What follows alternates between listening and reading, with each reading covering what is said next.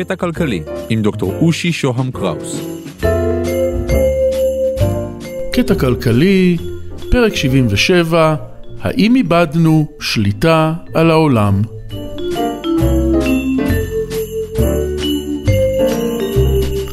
האם מישהו שולט בעולם שלנו?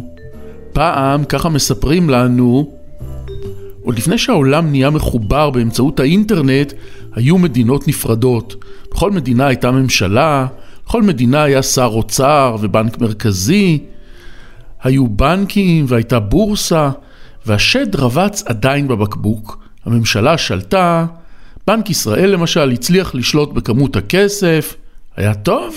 לא יודע, אבל היה יותר יציב. אבל אז הכל התחבר והתבלגן. המחשבים בעולם מחוברים אחד לשני, הבורסות מחוברות, הבנקים מחוברים, והנה השד התעורר. שלום, כאן דוקטור רושי שוהם קראוס. על איזה שד אתה מדבר, אתם יכולים לשאול אותי. לא יודע בדיוק, אני עונה. אני יודע שאני מדבר על מצב יוצא דופן, על מצב שבו מערכות מסוימות מנהלות את עצמן, ואדם אחד או אפילו קבוצה גדולה של אנשים לא יכולים לשלוט בהם. המערכות האלה הפכו להיות גדולות כל כך וסבוכות כל כך, שלא ברור מה הולך בתוכן. אולי השד הוא אנחנו, אותם שבעה מיליארד מאיתנו שקונים בבת אחת ומוכרים בבת אחת, שמקפיצים את השוק ומורידים אותו לשפל, ואולי השד הוא האינטרנט בעצמו, מערכת ענקית שלא ברור עד כמה מדינה מסוימת יכולה לעצור. מערכות כאלה נקראות בשם מערכות מורכבות, Complex Systems. דיברנו עליהן, אבל יש לא מעט מה לומר עליהן. הסדרה הפעם תעסוק בבועות בורסה, והיא תעשה את זה באמצעות ניתוח שמבוסס על כלכלה של מערכות מורכבות. אבל אי אפשר להתחיל לדבר על בועות בורסה בלי לדבר על צבעונים.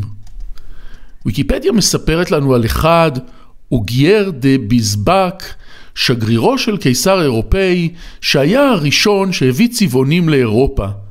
לא נתעכב על סיפור ההתאקלמות של הצמח הזה ביבשת, נקפוץ לכמה פרטים חשובים.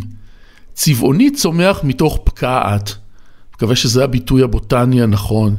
לא קל מדי להרבות אותו, ובימים האלה, לפחות במאות ה-16 וה-17, ככה ויקיפדיה מספרת לנו, וירוס מיוחד פגע בפקעות ויצר מוטציות צבעוניות וכנראה מקסימות של פרחים. והנה, במקום שיש משהו שהוא גם יפה וגם נדיר, שם יש עשירים. הם מחפשים אובייקטים להתהדר בהם, ליהנות מהכסף שלהם וגם לשדר את העושר שלהם. והנה הערך של הפקעות האלה מתחיל לעלות. עד כאן הכל סביר. העניין מתחיל להשתגע כשגם המעמדות העשירים פחות נכנסים למשחק, הם לא יכולים להרשות לעצמם לקנות את הצבעונים היקרים, ואז מתחיל מסחר בפשוטים יותר. עד כאן סביר? סביר. המחירים מתחילים לעלות, ועולים ועולים. אבל אז העניין משתגע יותר. אנשים מתחילים למכור ולקנות ניירות של זכויות של קנייה ומכירה.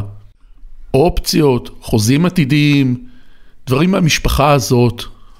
והנה, אלפי קונים של צבעונים בעצם לא קנו ולא מכרו צבעונים. צבעונים לא עברו מיד אל יד, עברו כתבי זכויות לקנות יבול צבעונים עתידי, ובכתבי הזכויות האלה, באופציות, בחוזים, בכל המשפחה, סחרו. מחירי החוזים העתידיים האלה האמירו, ואנשים השקיעו את מיטב החסכונות שלהם, וכל זה נפל. ככה פתאום, ואנשים הפסידו את הכל, ממש כמו שקורה לפעמים בימינו. אז מה קרה שם? נתחיל עם מספר גדול מאוד של סוחרים. לכל סוחר יש עולם רגשי, חישובים פיננסיים ואסטרטגיות שונות. לזה נוסיף את האקלים, את אפשרויות הריבוי של הפקעות. תוסיפו לזה את הווירוס שפוגע בפקעות ומייצר צירופי צבעים יוצאי דופן, ומכאן ערכים כלכליים גבוהים ומגוונים. תוסיפו מערכת של אופנה, מה נחשב יפה יותר, מה נחשב שווה יותר בכל רגע. על כל אלה תוסיפו קומה נוספת של מופשטות, העובדה שאנשים בכלל לא קונים את הסחורה, אלא קונים ניירות שמאפשרים בעתיד לקנות סחורה אמיתית. תוסיפו הלוואות שבאמצעותם אנשים מממנים את כל זה, ואת כל זה תזיזו בלי להפסיק. כי הרכיבים במערכת הענק הזאת, שכרגע הצגנו את השחקנים שפועלים בה, הרכיבים זזים כל הזמן. אז מה תקבלו? בלגן מוטרף. מערכת שפועלת כמו ים שקט לפעמים, כמו קן נמלים לפעמים, לפעמים כמו בערבולת מוטרפת. ואת המערכות האלה בדיוק בודקת הכלכלה של המערכות המורכבות. את הניתוח שלה למפולות בורסה נציג בפרקים הבאים. תוכלו להשיג אותי בוואטסאפ 050-8898-322 או בלינקדאין שלי באנגלית, דוקטור רושי שוהם קראוס. תודה לקווין מקלוד על המוזיקה, להתראות.